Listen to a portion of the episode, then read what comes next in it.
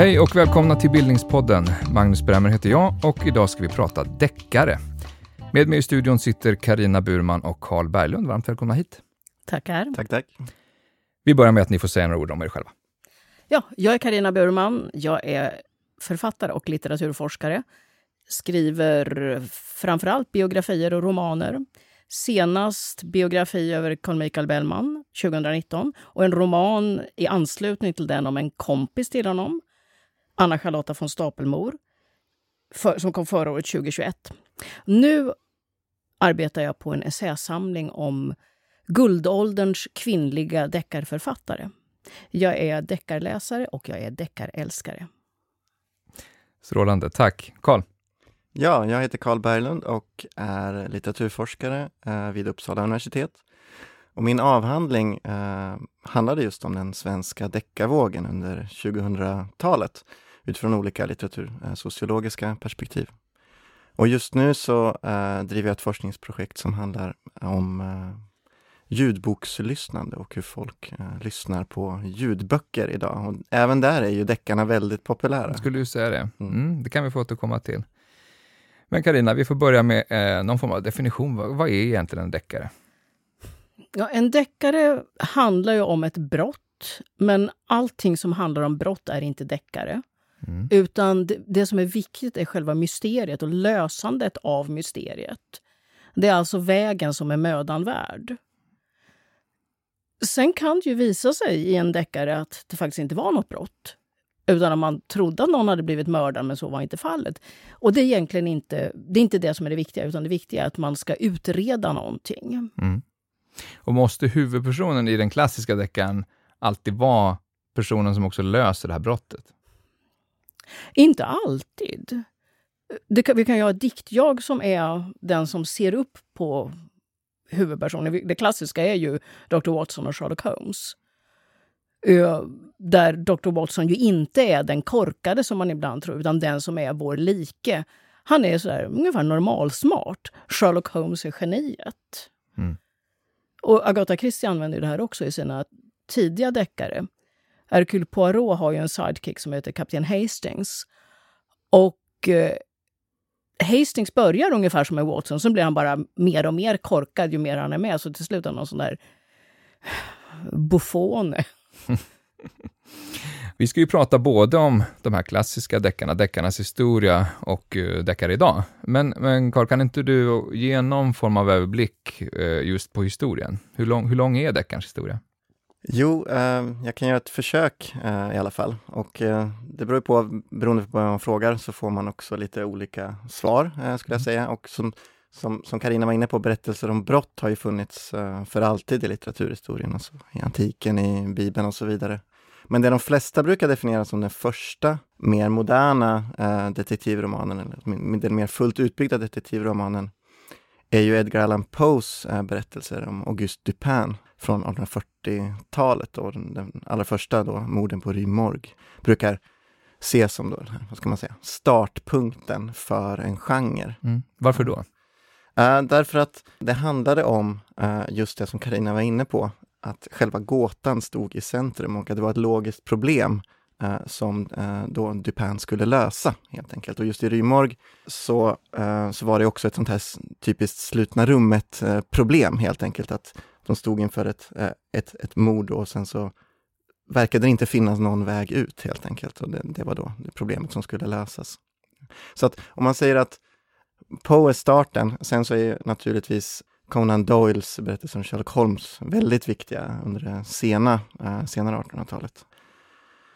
Uh, eh, det, var, det var då som, som, som genren började växa till att bli det här uh, mer populära och uh, kommersiellt viktiga fenomenet som det sen har varit under hela 1900-talet och är än idag, mm. skulle jag säga. Ni börjar ju skissa på någon form av eh, deckarens kanon här. Ja. alltså vi, ja. Kan ni lägga till några namn och några verk som bara liksom måste med? Ja, alltså jag skulle vilja säga E.C. Bentleys Trends Lost Case som kom 1913. Mm. För att Sherlock Holmes, han är ju då genialisk. Han är överlägsen oss andra. Men Trent är en osäker människa. Han har fel och det har den, den moderna detektivromanens hjälte ofta. När vi sen kommer in på 1920-talet när den, det jag tycker är den moderna deckaren egentligen föds, då är det påfallande ofta som deckaren är lite ja, lite mindre genialisk, lite mer vanlig. Mm, mm. I alla fall i vissa aspekter. Mm. Vad säger du Carl? Vilka vill du sätta på den listan? Uh, ja men uh, absolut och sen alltså, jag tror att Karina ska få prata om, om den uh, brittiska deckarens guldålder, men det, det, man, det som händer då under 20 30-talet är att genren, vad kan man säga, delas upp i två ganska tydligt distinkta grenar. dels har vi då Eh, den brittiska pusseldeckaren och sen har vi då den här framförallt amerikanska, uh, mer hårdkokta traditionen. Mm, det är två olika skolor? Ja, det är två olika skolor, för där den, uh, där den förra då, uh, pusseldeckaren handlar väldigt mycket om, om uh, lö it, att lösa ett logiskt problem och det är ganska ofta berättelser i bemedlade miljöer och de är ganska ofta brittiska de deckarna. Så då den amerik amerikanska traditionen mer ett försök att försöka då skildra en sorts verklighetens brottslighet. På något sätt. Man ville ge upp med då så här, korruption i polisen och äh, girighet och så vidare i samtiden. Så det är en mycket mer, på ett sätt mörkare äh, bild av samhället mm. som, som ges där. Och de, de, de, de, de här största namnen som man alltid brukar säga då är ju Dashiell Hammett och Raymond Chandler, eh, som de, de två stora då. Mm. Och i den brittiska guldåldern då har vi Agatha Christie och vi har... Dorothy Sayers. Mm. Uh, Marjorie Allingham, Josephine Tay är väl de fyra stora. Mm. Och det här är alltså, det, de här två skolorna, de, är samtida och det här, ni är överens om att det här är guldåldern för deckaren? Ja, det här är en guldålder. Alltså den brittiska guldåldern brukar man räkna under mellankrigstiden. Och sen är det en del av de här som fortsätter att skriva. Christie skriver ju fram till sin död på 70-talet. Hon skrev 66 mm. deckare. Alla är ju inte lika bra och jag är egentligen ingen sån här stor Christie-fan. Va? Trots att jag faktiskt har på mig min Agatha Christie-tröja idag. jag ser först nu. Ja. Uh, nej, men nej, jag, jag, tycker inte hon är så jättebra. Vi kan komma in på det. Vi kan komma in på det sen. Mm. Uh, men får jag lägga till en sak vad det gäller pusseldeckarna som är ganska roligt. Nämligen att 1913 börjar korsord konstrueras. Mm. Och man pratar ofta om dem som puzzle.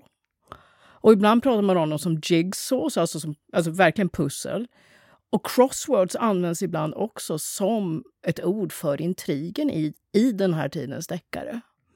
Det finns också såna där korsord visar sig vara lösningen. Så det är någonting av det här med att lösa gåtor som är aktuellt. Mm. Och för den brittiska deckaren så är det ju typiskt att den blommar upp efter första världskriget när man, man behöver en ny sorts litteratur modernismen kommer, den vanliga litteraturen, fin, finlitteraturen, blir så komplicerad så det är inget som en vanlig människa sätter sig med efter jobbet. Man behöver någonting som är lättare, men som samtidigt är socialt acceptabelt. För att det fanns ju en massa kriminallitteratur som man såg ner på. Nick Carter-debatten i Sverige i början av 1900-talet till exempel. Då. Och det är ju såna här amerikanska äventyrshistorier. Men det var ju ingenting som folk, fint folk eller medelklassen ville läsa eller ville visa att de läste. Men däremot en Christie eller en Sass kunde man visa att man läste. Man kunde läsa den på tåget. Mm. Och när, när tar den här liksom guldåldern slut? Svårt att säga något sånt definitivt eh, slut kanske. Man brukar väl säga att det är 20-30-talet som, som, som kallas guldåldern. Men det som händer sen är ju att eh, vad ska man säga, deckaren breddas åt alla möjliga håll sen under resten av, av 1900-talet. Uh, eh, kommer en massa barn och ungdomsdeckare uh, som blev väldigt populära. Uh, ja, men, uh, Enid Blyton och så vidare. hur många som helst finns det. det vi, ut, vi fem böckerna? Ja, precis. Eh, mm. precis. Eh, det ges ut också då man börjar, man börjar göra mer nischade eh, genrer i genren som spionromaner eh, till exempel, John le Carré. Eller då polisromaner som Ed McBain till exempel, som då är väldigt fokuserade på att realistiskt skildra just polisarbete och hur poliser löser brott och sådär. Eh, sen så ska vi inte glömma, glömma också att thrillers och eh, psykologiska spänningsromaner blir större och större eh, under 1900-talet. Och det där, det där kan man ju ha olika synsätt. Vissa vill ju inte liksom, alls kalla det för deckare. Mm. Medan jag, eftersom jag till största delen har ett bokmarknadsperspektiv, eh, på, på bokmarknaden så, så, grupperas ju deckare och thrillers alltid ihop under någon sorts ska man säga, större spänningsparaply. Liksom. Så att jag tycker ändå att, att, att thrillersarna eh, bör vara med i en diskussion om, om, mm. om uh, deckaren och deckarens uh, historia. Men, så så vad, vad, är det som då skiljer ut deckaren? Vad är det som det specifika för deckaren? I, den här kriminal, i det här kriminallitterära landskapet som ja. du börjar teckna nu? Man kan säga så här, en litteraturvetare som heter Svetan Todorov, han skilde på att, att uh, kriminalfiktionen, uh, den liksom alstrar uh, intresse hos läsarna på två olika sätt. Dels det som drivs av nyfikenhet helt enkelt på frågan eh, vad har hänt här? Helt enkelt. Det är en typ av, av bakåtriktad fråga och det är då mm. typiskt för deckaren och särskilt då för, för den klassiska pusseldeckaren. Eh, Medan thrillern är precis tvärtom, den drivs ju av då eh, en framåtriktad spänning. Vad kommer att hända helt enkelt? Eh, så det är ju på något sätt en, en sorts grunddistinktion eh, i en form, formalistisk mening, så, mm. så att säga. Eh, sen de facto så blandas ju de här eh, formerna i de flesta deckare mm. idag, kan man kanske säga. Mm. Och en annan skillnad när det gäller just thrillern är att där är det ju brottet och mördarens eh, psyke och så vidare som står i fokus snarare än eh, lösningen och det logiska pusslet. Ja, på något sätt. Så att då försöker man på något sätt förstå eh, mördaren på ett, på ett mer psykologiserande eh, plan. Mm. Så man säger att Dostojevskijs Brott och straff är en sån här föregångare i, i, i, i kriminallitteraturen. Är det inte riktigt i, i, för deckaren, tror du säga? Ja, vad skulle du säga Karin? Jag skulle nog hålla, hålla med om att det finns ju... Finns ju... Jo, det... Där man får följa Raskolnikovs grubblerier och så mm. vidare. Ja, och det finns ju... Jag tycker det är jättesvårt vad det gäller modernt material att skilja mellan deckare och thriller. Jag kan läsa en bok och tycka att det här var en bra deckare och så tittar jag på baksidan och så står det att det var en thriller. Ja, men vad kommer själva, vad vet vi om, om, om begreppet när det myntades och, och var det kommer ifrån och så? Eh, det här är ju lite spännande för att ö, ordet detektiv är ju ganska nytt. Det kom ju på 18, mitten av 1800-talet i och med att man i London inrättar den första moderna polisen. Alltså detektivpolis när Poe skrev så visste ju inte han någonting om detektiver, för det fanns inga detektiver. Det fanns in, ordet fanns inte. Och sen började det här användas i populärfiktionen under 1800-talet. Man pratar om detektiver. Detektiverna är ju poliserna mm. till en början. Och sen så lös, lösgörs det här begreppet från polisen och detektiven blir den som löser brottet. Sen riktigt när man övergår från att kalla en detektivroman till de för deckare, det vet jag inte, men jag tror det är ganska tidigt. Jag tror man gör det redan på 30-talet åtminstone. Ja, det, det, tror jag också. Jag tror att det är svårt att komma fram till någon, någon exakt sådär mynting, men det som är intressant med just termen deckare, att den är ju ganska vad ska man säga, språkligt eh, udda om man ser det i ett globalt perspektiv. För att i de, våra nordiska grannländer så om man börjar prata om deckare förstår de inte vad man pratar om. Liksom, utan där heter det ju krimi till mm. exempel. Mm. Uh, så att det är just crime fiction och olika varianter av det som har blivit den stora spridda termen nationellt, medan då vi i Sverige har hållit fast vid termen deckare trots att den egentligen är ganska otidsenlig. För, mm. Eftersom mycket av det vi kallar deckare har ju verkligen inga detektiver. Nej, mm. Men det är så bra ord. Mm. Ja, ja, men det har någonting. Det är svårt att invända mot. Ja. Du är inne på, Karina eh, det här med närheten mellan eh, korsordet och, och deckaren. Och också, det är svårt att komma ifrån att det, att det är en form av underhållningslitteratur. Du pratar också om kontrastera, kontrastera mot den finare litterära modernismen och så. Va, va, de, de deckare som ni, ni pratar om som, som del av deckarnas kanon, hur hög litterär kvalitet har de? Skulle ni säga? Det är väldigt växlande. Det finns allt från totalt skräp till sånt som faktiskt är eh, riktig litteratur. Jag hoppas ni hör mina citat här kring det. Och det finns ju ett antal författare som börjar skriva deckare och vill, egentligen vill skriva finlitteratur. Där då Dorothy Sayers är en, som, och, som börjar med ganska enkla deckare för att få mat på bordet. Och sen, sen utvecklar dem till en komplexitet som var ovanlig. Och sen slutar och ägnar sig åt att skriva religiös dramatik och översätta Dante istället. Mm. Mm. I Sverige har vi Håkon Rönnblom som skriver ganska vanliga pusseldeckare som jobbar på att göra dem allt mer litterära men som på något sätt tappar fotfästet i de här senare. De, de blir någonting mellan genrer. Vi har ju naturligtvis också klassiska exempel, nämligen Kerstin Ekman som skrev helt okej okay deckare i slutet av 50-talet, början av 60-talet börjar koppla loss från genren och blir då en, en av sin generations främsta svenska författare. Mm. Men fortfarande med någon sorts förankring i det kriminella. Hennes senaste bok Löpa varg är ju en kriminalhistoria. Ja, det är det ju verkligen. Um, är, det, är det vanligare idag att man gör resan åt andra hållet? Uh, att, att ha skrivit uh, um, skönlitteratur av, av, av annat slag och, och sen beger sig in i den lite lukrativa spänningslitteraturgenren? Jo, nej men det, ju, det finns ju flera exempel uh, på, den, på den resan och där kanske paret Kepler är det mest uh, kända uh, och för, eftersom de blev så oerhört framgångsrika då, med sina mm. kriminalromaner. huruvida kriminallitteratur håller hög litterär klass eller inte, alltså jag håller med Karina att det varierar väldigt mycket och även de, ska man säga, de kanoniserade verken i, i, i genren eh, kan man nog tycka väldigt olika om, om hur, hur, hur pass bra de egentligen är. Men, men det, det, centrala är ju just att allting i den här genren behöver förhålla sig till eh, genrens formula eh, på ett eller annat sätt. Och det är ju då eh, en sorts eh, begränsning eh, som kan eh, göra fram en massa kreativitet eh, men som ju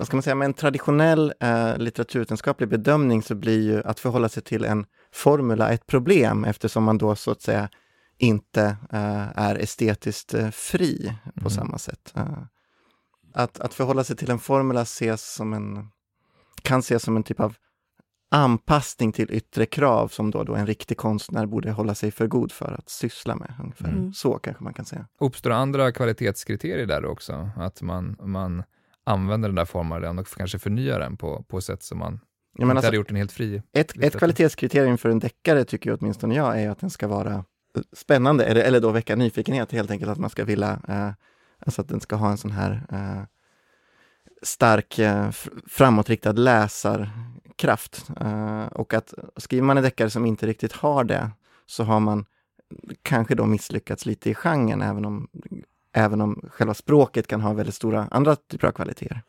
Jag tänkte, tänkte på Agatha Christie. Hon brukade jag läsa när jag var i tonåren. Jag tyckte hon var jättebra. Och sen när jag läste om henne i vuxen ålder så slogs jag av hur torftigt hennes språk är.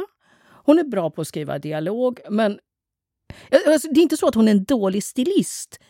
Men det är ett, eh, någon sorts basspråk. Jag tycker hon skriver en basdeckare.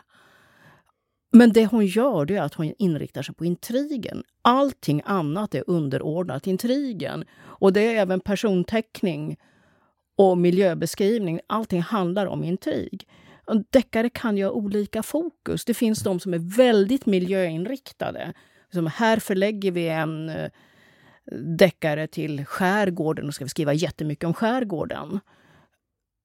Eller de som då vill vara litterära. Eller de som har en väldigt kul huvudperson som de verkligen grottar ner sig i. Mm. Men tänker du att det, är, att det är Christies egen stilistiska nivå som brister, eller någonting i genren som kanske har tvingat in henne i ett hörn där? Jag tror egentligen inte hon var någon stor stilist. Mm. Jag har läst någon bok hon har skrivit som inte var deckare, en som berättade om de utgrävningar hon var med på. Hon jobbade som assistent åt sin man som var arkeolog och grävde i Mellanöstern. Och den var på ett sätt mycket livligare och roligare att läsa än deckarna. Men hon hade en besvärlig användning av utropstecken hela tiden. Jag önskar att hon hade haft en redaktör som strukit ner dem. Mm. Men jag, jag, tror inte hon var sån här strålande stilist. Mm. Men hon var bra på att hitta på intriger och ta livet av folk. Om jag får haka på Karina uh, här, för jag, jag, håller helt med om att intrigen är central. Om man tar ett då mer uh, samtida eh, exempel eh, idag, Stig Larsson till exempel, han är ju verkligen ingen stor stilist. Alltså Millennium-trilogin är oerhört praddlig, eh, pladdrig eh, och eh, ja, där kan man verkligen prata om att han hade behövt en eh, redaktör. men det är ju en sjujäkla intrig, det får man ändå ge honom och det är på något sätt det som bär hela berättelsen. En sjujäkla intrig och några bra romangestalter. Mm. Mm. Det, det, blir ett annat kvalitetskriterium där. Ja, det skulle jag säga. Mm. Det funkar liksom. Man behöver precis som då eh, Christie, man behöver inte vara en, en, en briljant stilist för att mm. vara bra i genren, men man behöver vara en, en bra intrigmakare. Mm. Eller i alla fall inte för att bli framgångsrik i genren. Jag, jag har läst Stig Larssons böcker, jag tyckte de var väldigt eh, spännande. Men jag tycker ofta ett problem med den moderna skandinaviska deckaren, eller svenska deckaren, är att man inte är intresserad av språket. För, för att ring, ännu mer ringa in lite grann vad som är typiskt för genren tänkte jag testa några påståenden på er och se om ni kan och, och, och, och se hur ni svarar på dem. Um, deckare har mer dialog än annan litteratur. Ja, det tycker jag. I alla fall den klassiska deckaren. Man behöver prat för att reda ut saker.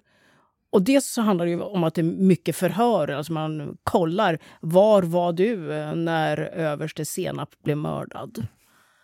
Men eh, även att detektiven bollar med sin sidekick. När man håller på att diskutera. Vad tror du om det här? Och det här gör att det är mycket dialog. Mm. Det gör det också lättläst. Och sen finns det närhet till dramatiken. Under 20-30-talet fanns det mycket radiodramatik som var just kriminalhistorier. Och det hände liksom att man gled emellan dem. Man skrev både för radio och för bokformatet. Mm. Så ja. Mm. Jag, jag skulle nog eh, också svara eh, ja på den frågan. Absolut i relation till eh, kvalitetslitteratur i alla fall. Men inte lika starkt i relation till annan populärlitteratur. Men, men ändå, eh, som Karina är inne på, så Eh, den här typen av, vad ska man säga, Uh, intervjuer med misstänkta uh, brottslingar och så vidare kan ju generera väldigt långa stycken av dialog. och, och där vidare. märker man ju också hur bra författaren är på att skriva dialog. Ibland så är det ju där man bestämmer sig för att sluta läsa boken. Ja. När det blir Var du i biblioteket när överste Senap blev mördad? Nej!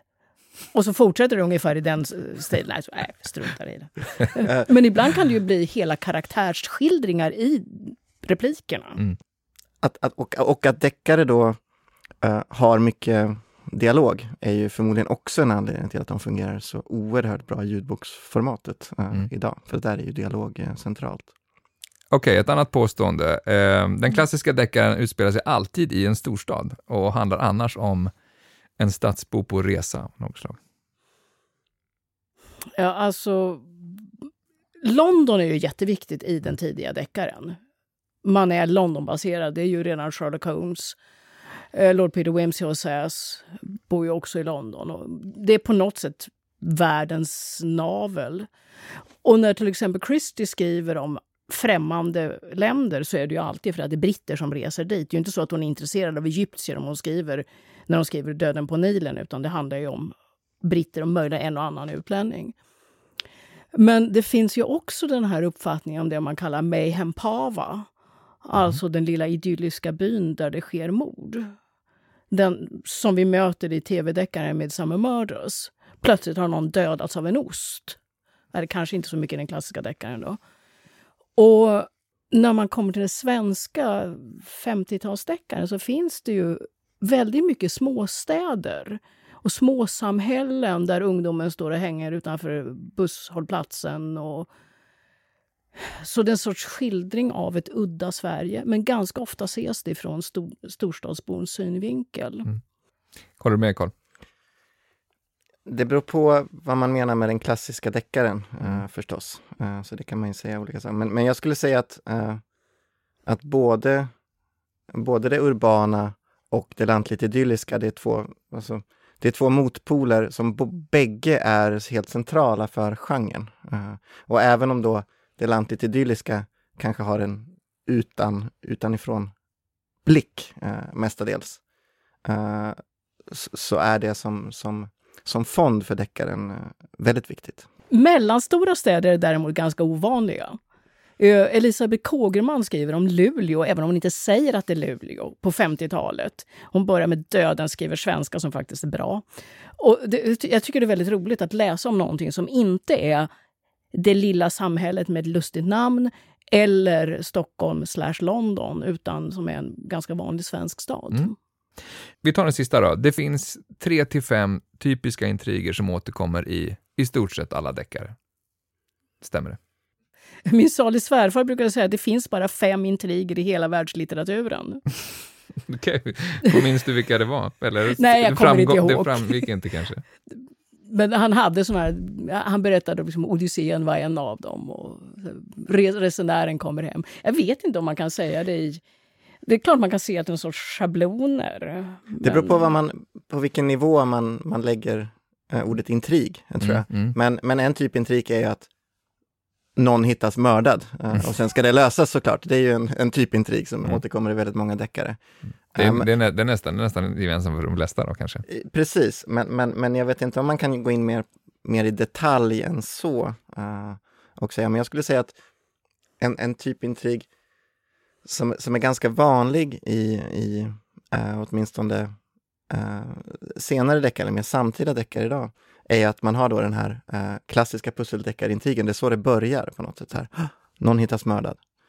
Uh, men sen så ar arbetar man väldigt mycket parallellt uh, med då spänning och nyfikenhet, så man vill veta vad som har hänt. Men sen introduceras nya mord efterhand hela tiden. Och det är ju en typisk samtida intrigbygge idag, för då mm. lyckas man ju med två saker. Man lyckas ju ha kvar frågan det bakåtriktade intresset om vad, vad är det som har hänt? Vi vill ju veta vem mördaren är. Det, det spar man ju till slutet. Liksom. Uh, men samtidigt så introduceras så ett moment av oj, oj, det händer igen och det händer igen, det vill säga det finns ju också vad kommer att hända framöver-perspektivet in och därmed är det en sorts ihopbakad deckare och thriller som ju då är det mesta av allt. Och väldigt vanligt är ju att man då vrider skruven precis i slutet så att det blir då när man då eh, avslöjar vem som är mördaren, både för läsaren och för eh, huvudpersonerna, så blir det sen då ett renodlat thrillermoment i slutet där det är någon sorts jaktscen. Mm, men där har vi ett berättarperspektiv också. Är det viktigt att, att huvudpersonen och läsaren vet lika lite, så att säga? Alltså den klassiska, i Guldålderns deckare så förväntas ju läsaren få all information så att de kan lösa gåtan. Det fanns ju till och med sådana som kom med intyg på att allting fanns med.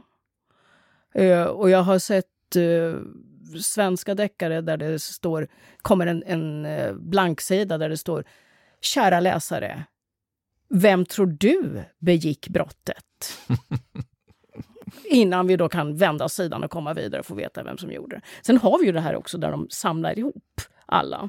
Och det, man kan ju tala om att det finns vissa standardscener som detektiven går igenom det hela. Eller i den moderna då, ung polisman kommer in, ser liket, springer ut och kräks. Det är också sånt där som händer väldigt ofta. Mm. Jag skulle säga att, att det även idag eh, kan betraktas som lite ofint, eller åtminstone oskickligt av författaren att använda greppet att, äh, att huvudpersonen vet mer än sin läsare för att skapa spänning. Så en, en, en, typisk scen i, i samtida svensk deckare är ju till exempel att så här, ja, mordet börjar liksom närma sig sin lösning, man har ringat in olika eh, misstänkta och sen så får då polisen någon typ av telefonsamtal och så, och så förstår man då av ansiktsuttryck eller någonting att så här, personen har förstått vem som är mördaren genom det här telefonsamtalet. Sen följer ett helt kapitel där det är då en vardagsbeskrivning då, det här liksom typiskt samhällsrealistiska, så att man måste vänta på innan man själv eh, ska få reda på någonting. För att, eh, Vad är det oskickliga det då? Det oskickliga är ju helt enkelt att, att den här pusselkonstruktionen, uh, i, i, den, i den klassiska traditionen så var det exakt det som Karina var inne på, att man skulle kunna lösa det själv som läsare, så är det allt mer sällan idag. Alltså det är ju ganska ofta det kommer in olika typer av ja, men Deus ex machina-lösningar som känns som att den här författaren hade ju inte riktigt koll på hur, vem som hade gjort den när den började skriva boken, ungefär så. Och då så räddar man upp det på slutet och det blir ju en ganska om man är en deckarkonnässör så ses, ser man ju på det som en ganska tafflig intrig. Det slarvigaste är ju när, när det är mördarens bekännelse som man måste falla tillbaks på. Så kan det varit X som gjorde det? X begår självmord, lämnar ett brev där han, oftast han, berättar hur han begick mordet och varför. Aha. Mm. Oavsett eh, eh kvalitet så kan man konstatera att det är en populär genre. Det är nästan tidernas underdrift. Det, det, det, är en enormt populär genre. Den dominerar bokmarknaden idag. Varför är kriminallitteratur så, så populärt idag? Ja, det är ju 10 000 kronors frågan på ett sätt. Nej, men det finns många svar, eh, många delsvar eh, som man kan ge här. Eh, och det första är ju att, eh, att genren har varit populär eh, under hela 1900-talet. Man kan väl säga att att eh, deckare och romantik är de två stora populärlitterära genrerna och så har det varit och så är det fortfarande idag. Och om man då ska vara lite krass så är det ju så att ja, det handlar om våld eh, eller sex. Då. Eh, så det finns ju någonting i själva temat som folk gillar att eh, läsa om. Eh, det tror jag är en delförklaring, men absolut inte hela förklaringen. Den andra har ju att göra eh, med just fokuset på intrig och att det är någonting som skapar den här eh, page-turner-effekten och där har eh, deckarens eh, formel är mycket gratis. Det är helt enkelt ett ganska tacksamt sätt att bygga intriger. Det är ganska, ska man säga, det, det, det, är lätt att åstadkomma saker som, som, som blir intressanta på det sättet. Och sen en tredje för, liksom delförklaring som jag skulle vilja lyfta är ju att deckaren som marknadsterm har ju blivit en, ett, ett väldigt stort paraply som innefattar verkligen lite av varje. Uh, alltså från traditionella pusseldeckare till psykologiska thrillers, till spionromaner, till olika typer av genrehybrider som på något sätt har som minsta gemensamma nämnare att de är spännande och har ett omslag, ett bokomslag som signalerar att de är spännande på något sätt. Mm. Så att det är också som att genren inte bara har växt uh, uh, i popularitet utan att, att den också liksom sväljer allt mer av vårt berättande. Skulle du säga att en, en, läsare som, som aldrig skulle tänka sig plocka upp en, en samtida svensk roman kanske får sig till livs lite av den typen av litteratur. Verkligen. Med, med sånt som är eh, kategoriserat som, eh, och formgett som deckare. Verkligen, är det någonting som kännetecknar eh, samtida svenska deckare så är det att de innehåller stora mängder ren vardagsrealism helt enkelt. Alltså det vill säga att både mördaren och brottets lösning, själva utredningen är ju, kan alltså i vissa deckare så tycker jag att de känns som inte ens huvudfokus helt enkelt, mm. utan det är istället då själva den realistiska samtidsskildringen som, som är vad man vill få fram. Ja, eh, och det här, här finns väl en skillnad mellan dagens deckare och den klassiska pusseldeckaren. I fråga om den moderna deckaren säger ju ofta författarna att det är så viktigt att skildra samhället. Och därför skriver de deckare. Jag har aldrig riktigt fattat varför. För att man kan ju faktiskt skriva en så kallad kvalitetsbok och skildra samhället minst lika bra skulle jag vilja säga. Eh, för då slipper man liksom ha det här med gåtan och sånt där som, som ska ingå i deckargenren. Men guldålderns deckare, de skildrar ju inte samhället. Det är inte meningen, att, alltså de brittiska, att de ska vara en realistisk skildring av samhället. Utan de tillkommer som en sorts verklighetsflykt. En flykt då undan en svår tillvaro strax efter första världskriget. Är det, nyc- är det nyckeln till deras popularitet, tror du? Jag, jag tror att det är jätteviktigt mm. hur de... Att i och med pusseldeckaren kommer man bort från det som finns. Man behöver inte tänka på att ens älskade blev skjuten i Flandern eller att det sitter benlösa tiggare utanför huset. Och, och sådana saker. Mm. Eller att man har fått hela sin världsbild omskakad för att ingenting var som man trodde våren 1914. Det, det, jag tror det är enormt mm. viktigt. Och jag tror det är därför den liksom blommar upp. Och sen går den ju också igenom över depressionen. Det både det glada 20-talet och sen när det börjar dippa igen. Liksom. Mm. Det här blir ju en ganska västerländsk historia. Är det ett västerländskt fenomen, kriminallitteratur? Om man tittar på, på deckargenrens historia så är det ju uh, ett, ett, ett väldigt västerländskt fenomen. Det är till och med ett ganska anglosaxiskt uh, fenomen med vissa franska inslag, kanske man kan säga. Uh, nej men alltså, den brittiska och amerikanska traditionen är ju enormt normerande och länge när man skrev sådana deckarhistoriker så var de ju i princip uteslutande anglosaxiska författare som togs upp och sen kanske det var ett slaskkapitel på slutet där det sa liksom andra länders deckare. Ja, precis. Uh, och om man tittar på genrens popularitet så att ibland, vissa har ju fört fram hypotesen då att, att eh, för att man ska vara intresserad av eh, brott och deras lösning, eh, det grundar sig då på att man har då en, en, en sorts välfungerande demokrati eh, med olika typer av institutioner som man litar på eh, för att eh Eh, att man helt enkelt inte kon konfronteras med så mycket brott och misär i sin egen eh, vardag och det är därför man vill läsa om det. Medan då i, i, i länder där, där eh, brottslighet är helt, helt enkelt är mer av en vardag så har man inte samma typ av intresse heller för deckarlitteraturen. Det där är en hypotes som i, jag vet inte, den ska man verkligen ta med en nypa salt. Eh, jag skulle inte säga att den, att den stämmer. Men om man tittar på genrens popularitet mer globalt idag så är det ju de facto så att den är ju absolut starkast i de länder som har starka inhemska deckartraditioner. Alltså genren är starkast i USA, i Storbritannien och i de nordiska länderna och så några länder till. Och därefter så kommer typ, om man ska hårdra det, resten av västvärlden. Medan i länder som till exempel eh, Brasilien eller Indien eller Kina och så vidare så har genren inte alls samma kommersiella tyngd. Eh. Men den finns? Den finns absolut och vissa, eh, vissa författare slår ju igenom också eh, globalt. Dan Brown, är liksom, han blir ju en bästsäljare överallt. Men, men de är ganska få.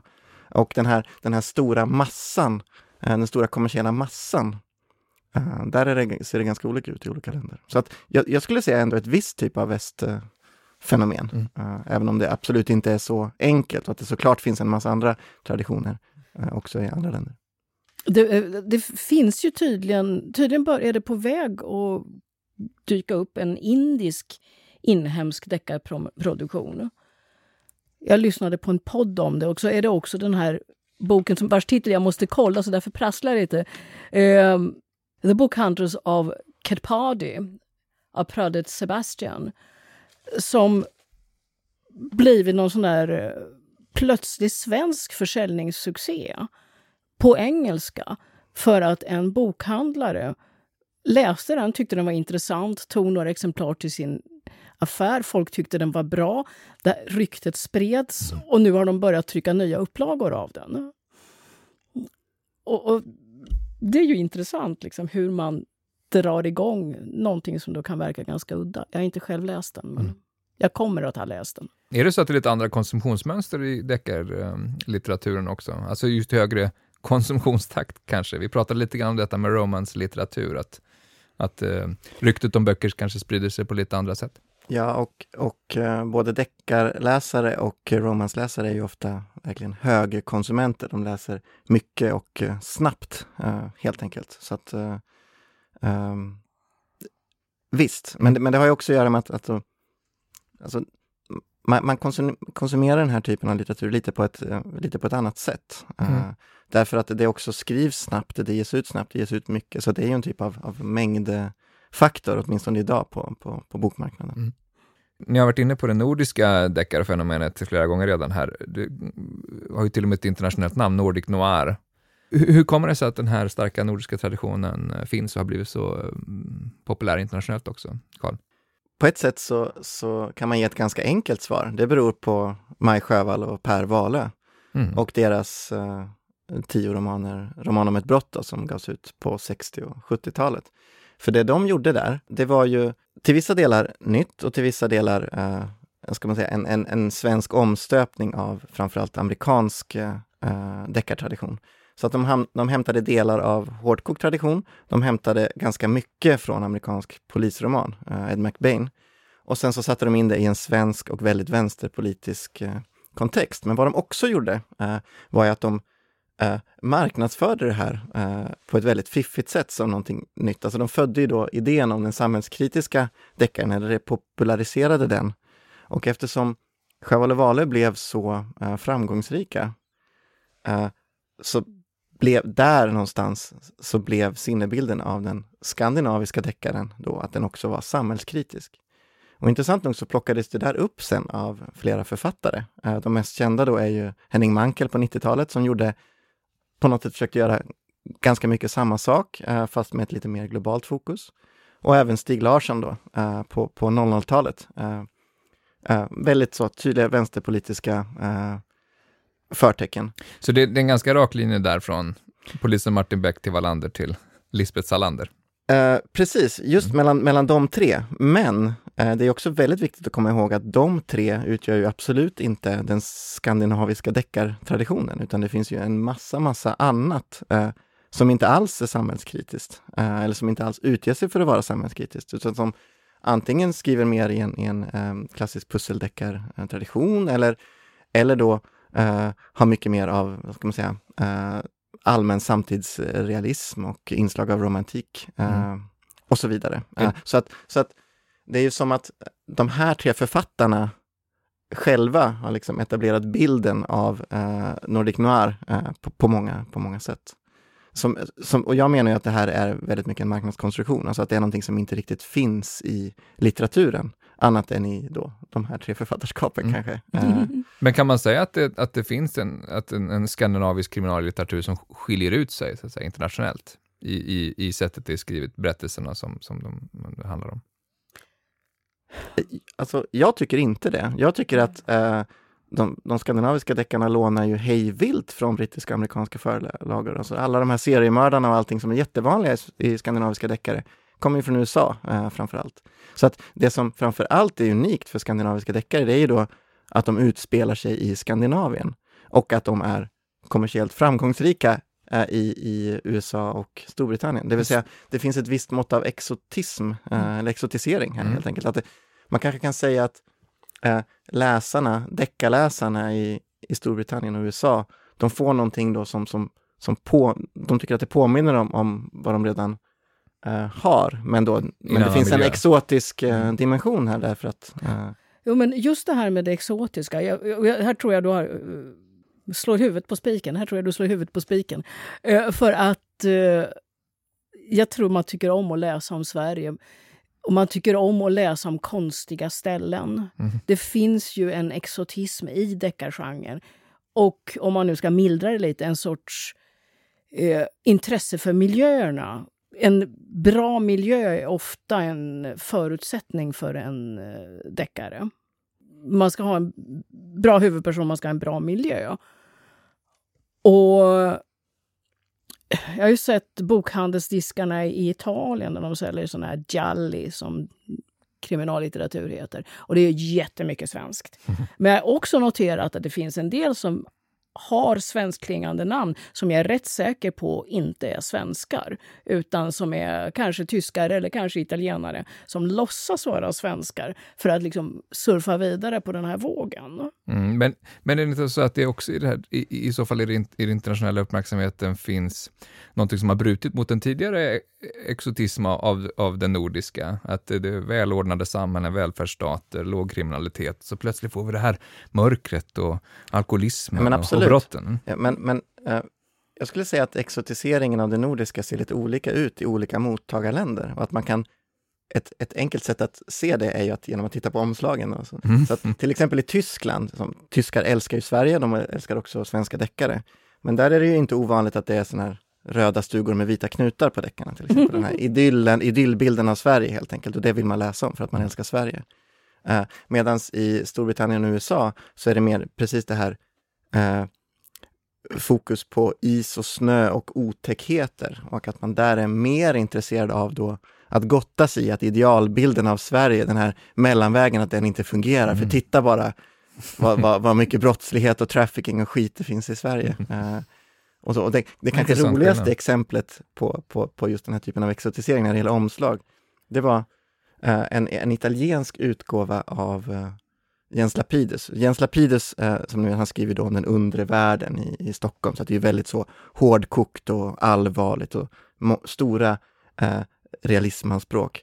Och den här salufördes då i Italien med en frostnupen ren på framsidan. Det tycker jag säger allt.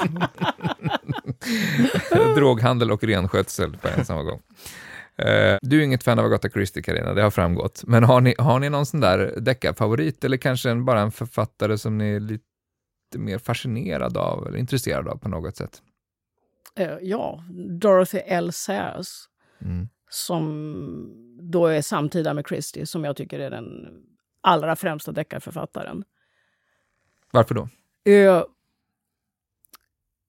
det finns väldigt mycket. Hon har oftast bra intriger. Hon skriver ett väldigt bra språk. Hon har väldigt bra gestalter.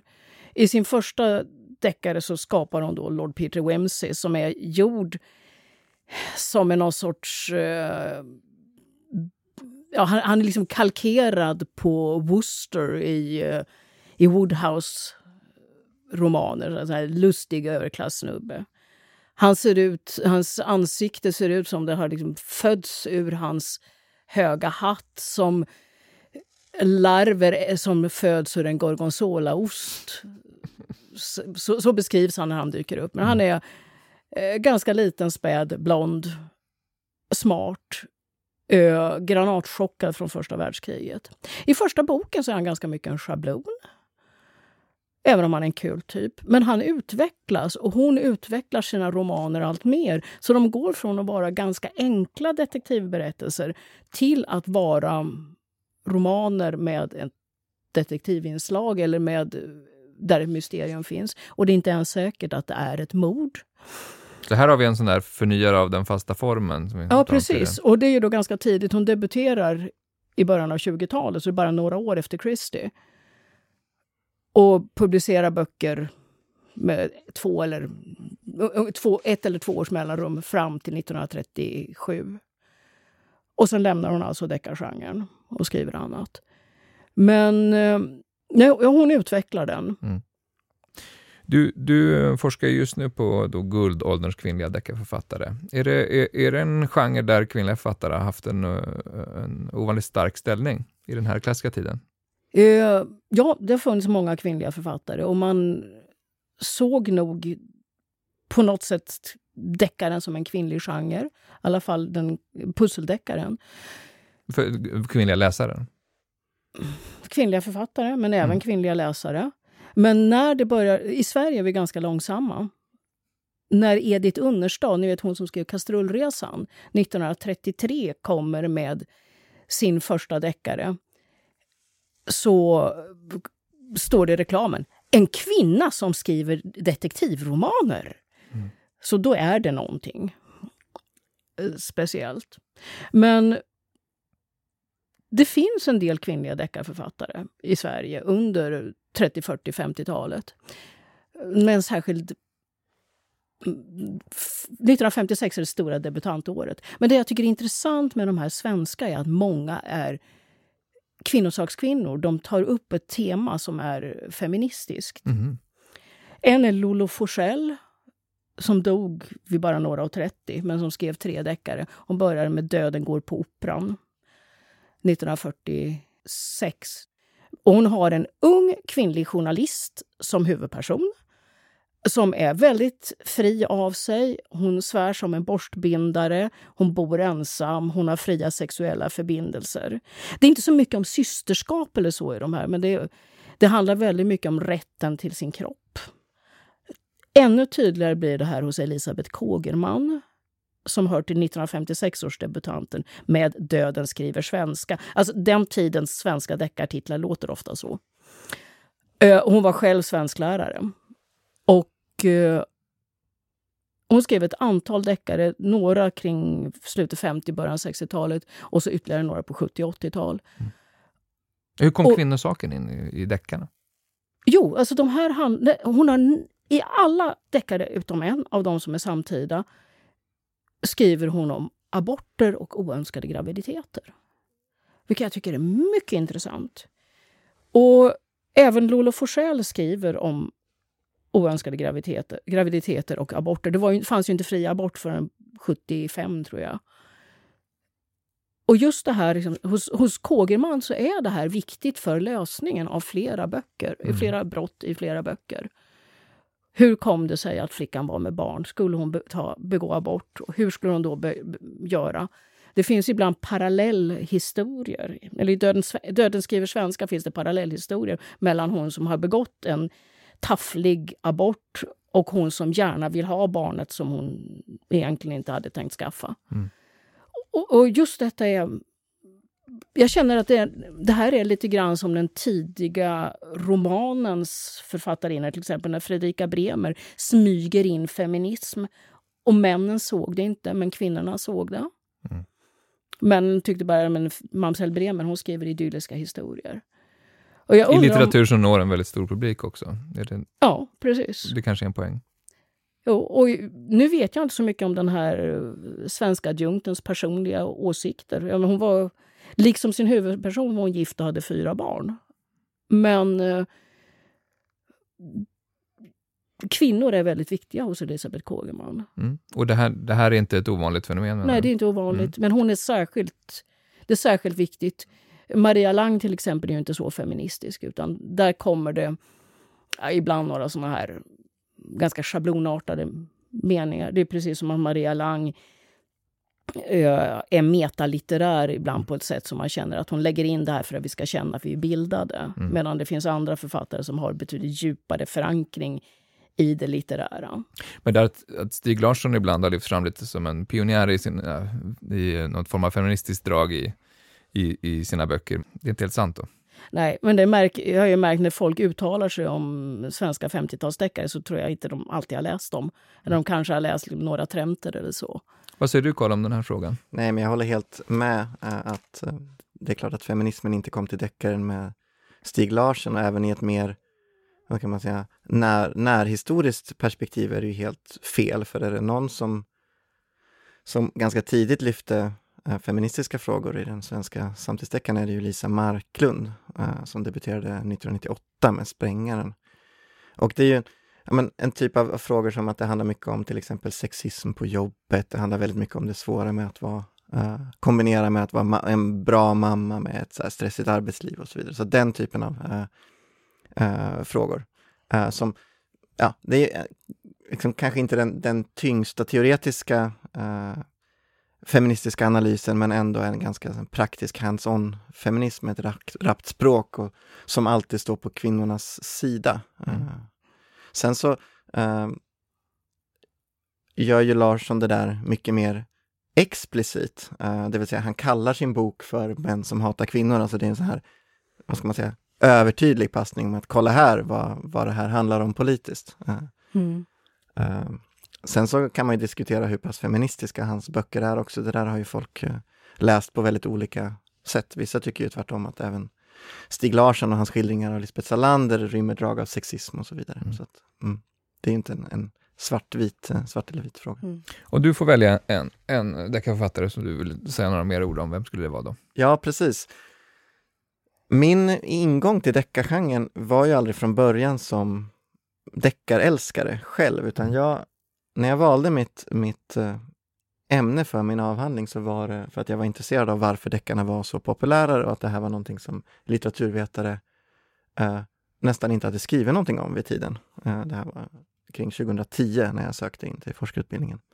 Och den författare som på något sätt, som jag tycker är mest intressant i, i eh, hela den svenska 00-tals deckarvågen är Camilla Läckberg för att hon, ja men, hon har på något sätt få, fått,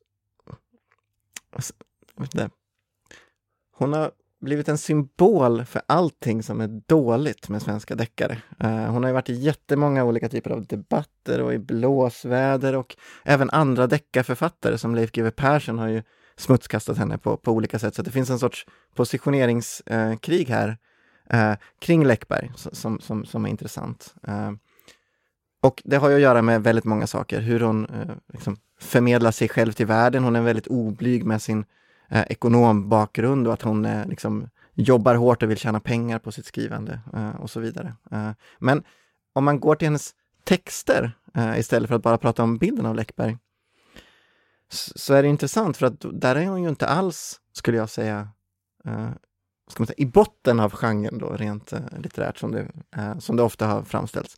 Hon är inte heller någon, någon, någon stor briljant stilist eller någon sån här uh, som gör oerhört raffinerade intriger. Utan, Jag menar att hon har kritiserats onödigt hårt för, för bristande stilistik och sånt där. Men alltså, Precis, jag, jag, tror att kritiken mot Läckberg grundas inte i hennes skrivande, ungefär så, utan, utan i hennes persona eh, istället. Uh, men hennes skrivande uh, tycker jag är... Det har intressanta grejer, för att i då hennes eh, Fjällbacka-serie, som var vad hon slog igenom med, hon debuterade 2003 med en roman som heter Isprinsessan, så är det så här, det finns många, många eh, drag från, eh, från, från klassiska traditionen. Eh, en ung kvinna hittas död i ett badkar och så vidare. Det är en lugn lantlig idyll och nu börjar saker vändas eh, det börjar vändas på stenar. Och typiskt för Läckberg är ju då att hon alltid har, nästan alltid i alla fall, har ett eh, historiskt tillbakablickande parallellperspektiv i sina romaner. Så att det är någonting som har hänt eh, eh historiskt eh, och det är det som är förklaringen eh, det är där någonstans som man hittar motivet till, till gåtans lösning och då finns det två då parallellskikt i hennes eh, romaner som löper på, ett historiskt och ett samtida brottsutredningen.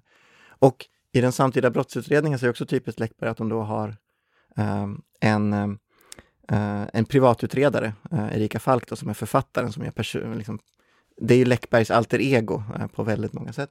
Och sen så har hon då polisen som är då den officiella utrustaren, som är då Läckbergs mans vid tidens alter ego. Hon var ju liksom, ja, gift med en, en, en, polis och så vidare. Var det, är det uttalat? Nej, alltså det här är, så jag vill ha två poänger med Läckberg okay. som jag tycker är intressanta. Och den första är då uh, uh, att det är en sorts ska man säga, förtäckt autofiktion hela tiden och från, från början. Att hon, hon leker väldigt, väldigt medvetet med att hon skildrar sitt eget liv eh, och att hon är medveten om att hon gör det i relation till sin publika persona. Mm. Och att det är en förklaring till hennes eh, eh, framgång. Alltså så småbarnsåren kommer exakt samtidigt, eller liksom, ja, det, det, ligger ett år efter hennes eget liv hela tiden. Så hon får småbarn och skriver om det i sin blogg och sen så kommer det då Erika och, och eh, Patrik i hennes eh, romaner får barn och så är det liksom problem med småbarnslivet och så vidare. Eh, så det är en förknä- förtäckt Knausgård-serie detta? Alltså. Ja men pre precis, alltså på, på, på många sätt. Eh, så, så, spelar hon ju på samma, uh, på samma strängar åtminstone som många av de här uh, kvalitetslitterära författarna i 20-talets, eller 2000-talets våg av, av autofiktion. men då i deckarens mall och i sin kändismall, alltså istället för att då använda litterära kvaliteter så använder hon sina kändiskvaliteter hela tiden. Här. Men menar du att, att, att det här är något som Läckberg gör eh, medvetet strategiskt, inte bara i kommersiellt syfte, utan, utan i något slags eh, autofiktivt eh, konstprojekt? Det vill jag låta vara osagt. Eh, men det finns ju en... Eh, alltså hon, är, hon är en väldigt hon är en väldigt medveten författare, men hon är ju en, en kommersiell författare i grunden. Så att det är ju... Men du tycker det är skickligt gjort? Det finns något intressant i hur de här lagren, den offentliga personen och litteraturen um, jag, jag tycker det är intressant för att, för att det som också händer i den här nya serien, det är att hon helt plötsligt börjar med ganska eller ska jag säga väldigt explicita sexskildringar. Alltså där, där Läckberg i början är ganska pryd som författare, uh, vilket många är i genren, så är hon här, alltså det är helt enkelt erotik, liksom, uh, på en nivå som, som är väldigt ovanlig i, i genren. Så det är också en typ av genreblandning, där det tidigare då var deckare och romance kanske, så är det här då deckare och uh, erotika, mer eller mindre. Och igen då, kul att den här framgångsrika Faye då, som är sinnebilden av Läckberg själv då, skaffar sig yngre älskare och har en massa explicit sex i de här romanerna. Det är också en ganska så rolig passning till den offentliga bilden av henne, där exakt samma sak har hänt på något sätt. Uh, för hon har ju skaffat sig då, hon dumpade sin polisman och uh, skaffade sig en yngre älskare som hade en väldigt så snygg kropp. så att jag vet inte, jag tycker att, eh, ja, Ja, Läckberg är intressant på många sätt. Ni är ju, ni är ju litteraturforskare som är intresserade för deckare och som du var inne på Karl, det är ganska ovanligt. Varför är det så? Jag vet inte, det har ju skrivits en del om deckare, men oftast verkar det vara så att folk skriver någonting om deckare och så skriver de en massa annat. Jag vill säga, jag forskar ju inte om deckare, jag skriver essäer. Mm som är personliga. Så att, Men du är litteraturhistoriker? Jag är litteraturvetare och jag har gjort en massa efterforskningar. Mm. Så delvis mm. är väl de här essäerna litteratursociologiska. Men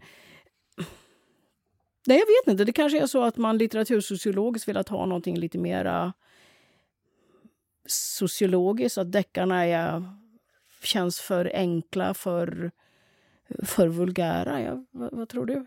Nej, men jag skulle ändå säga att det finns, eller åtminstone har funnits en viss beröringsskräck inom litteraturvetenskapen för all form av populär litteratur. Alltså att det är inte det som de flesta litteraturvetare är intresserade av. Uh, alltså, man ser populärlitteratur som dålig litteratur, vilket det ju många gånger är. Uh, men därmed ser man det också som ointressant för litteraturvetenskapen och det där har ju aldrig det har alltid förbryllat mig eh, mm. på något sätt. Att, att den dåliga litteraturen skulle vara mindre intressant att forska om än den bra litteraturen. Eh, jag håller helt och fullt med dig där. Mm. Och, och, det intressanta är att om dålig litteratur är tillräckligt gammal är det okej okay att skriva om den. Men mm. om den är samtida är det inte okej. Okay. Men det fanns ju väldigt mycket litteratursociologisk populärlitteraturforskning på 80-90-talen.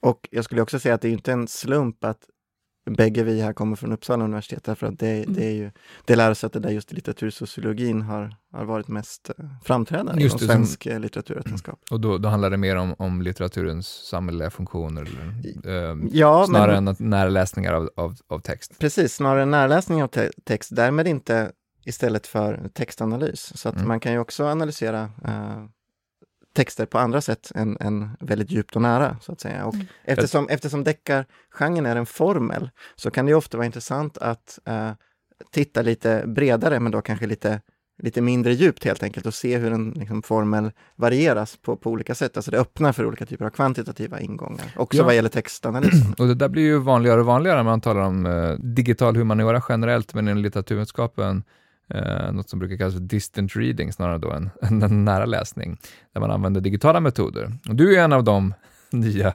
moderna forskarna. Kan du inte säga lite grann om hur du går tillväga och i den här typen av forskning? Ja, men på många, många olika sätt. Just nu så sysslar jag eh, mest med hur eh, människor eh, lyssnar på, på, på ljudböcker och där är ju deckarna väldigt populära. Och en sak vi har kunnat titta då, vi får tillgång till viss eh, konsumtionsdata och då kan man se vilka, eh, vilka typer av böcker användare tenderar att lyssna färdigt på, som de har börjat på. så att säga. Och där sticker ju deckarna verkligen ut. Eh, alltså det är väldigt markant att eh, deckare är böcker så att, som man lyssnar klart på helt enkelt. Alltså den här ska man säga, page-turning-effekten syns verkligen i, i användardatan. Eh, Medan då omvänt då, och kanske lite sorgligt beroende på vilket perspektiv man har, att de de böcker som slutförs i lägst grad är ju då ska man säga, hög, högprestigelitteratur. Typiskt då Nobelpristagare och Augustpristagare som många på något sätt, ja men de får medial uppmärksamhet, många eh, provar och sen så slutför de inte för att de, ja, mm. ja av olika anledningar helt enkelt. Eh, så det är ju ett sätt man kan närma sig det här på med digitala metoder. En annan ingång är ju förstås eh, själva den litterära texten. Eh, så att man helt enkelt matar in en massa digital text eh, och bearbetar den på olika sätt för att få fram eh, resultat. Och ett sådant experiment vi har försökt göra på eh, kriminalfiktion är att då kartlägga omnämnanden av mördare i samtida deckare i relation till när mördaren avslöjas för läsaren och för huvudpersonerna. Och med de här, den här informationen då åstadkomma ett, en sorts typologisering av typiska deckarnarrativ, eller typiska svenska samtida deckarnarrativ. Mm. Så att det där är en kombination av att låta datorn läsa saker och räkna ord och att själv då identifiera här i berättelsen sker avslöjandet, för det är någonting som är ganska svårt för en dator att, att göra. Vilken är den mest intressanta saken eh, ni hittat där? Uh, en sak var ju att, som vi var inne på tidigare i vårt sam samtal, att det verkar finnas ganska många typer av deckarkonstruktioner eh, som är helt omöjliga för läsaren att lösa före slutet. Det vill säga, en vanlig, en av de här typologierna är ju då att mördaren överhuvudtaget inte nämns förrän den avslöjas. Det vill säga, det är en helt okänd person mm. som är mördaren, eh, vilket ju då upprör alla gamla eh, deckarälskare och så vidare. Taskigt. eh, en annan är ju eh, konstruktionen med, med två parallella mordberättelser ihopbakat i en som ofta är väldigt förvirrat förvirrande på olika sätt. Kepler har ofta den typen av konstruktioner. Alltså, det var inte samma mördare, det var två. Ja, precis. Och de drivs av olika motiv och de råkar bara hänga ihop. Men den kopplingen är ofta lite lös. Mm. Uh, men det där är ett sätt att återigen då få, få liksom bibehålla intresset för vad som har hänt. Och sen så kan en sån då uh, mordtråd nystas upp kanske i, ja, i mitten av, av berättelsen. Uh, men sen då framkommer att ah, det var inte hela lösningen. Det finns också en galen psykopat uh, här borta som, som, som, vi också måste ta itu med. Mm. Så att säga.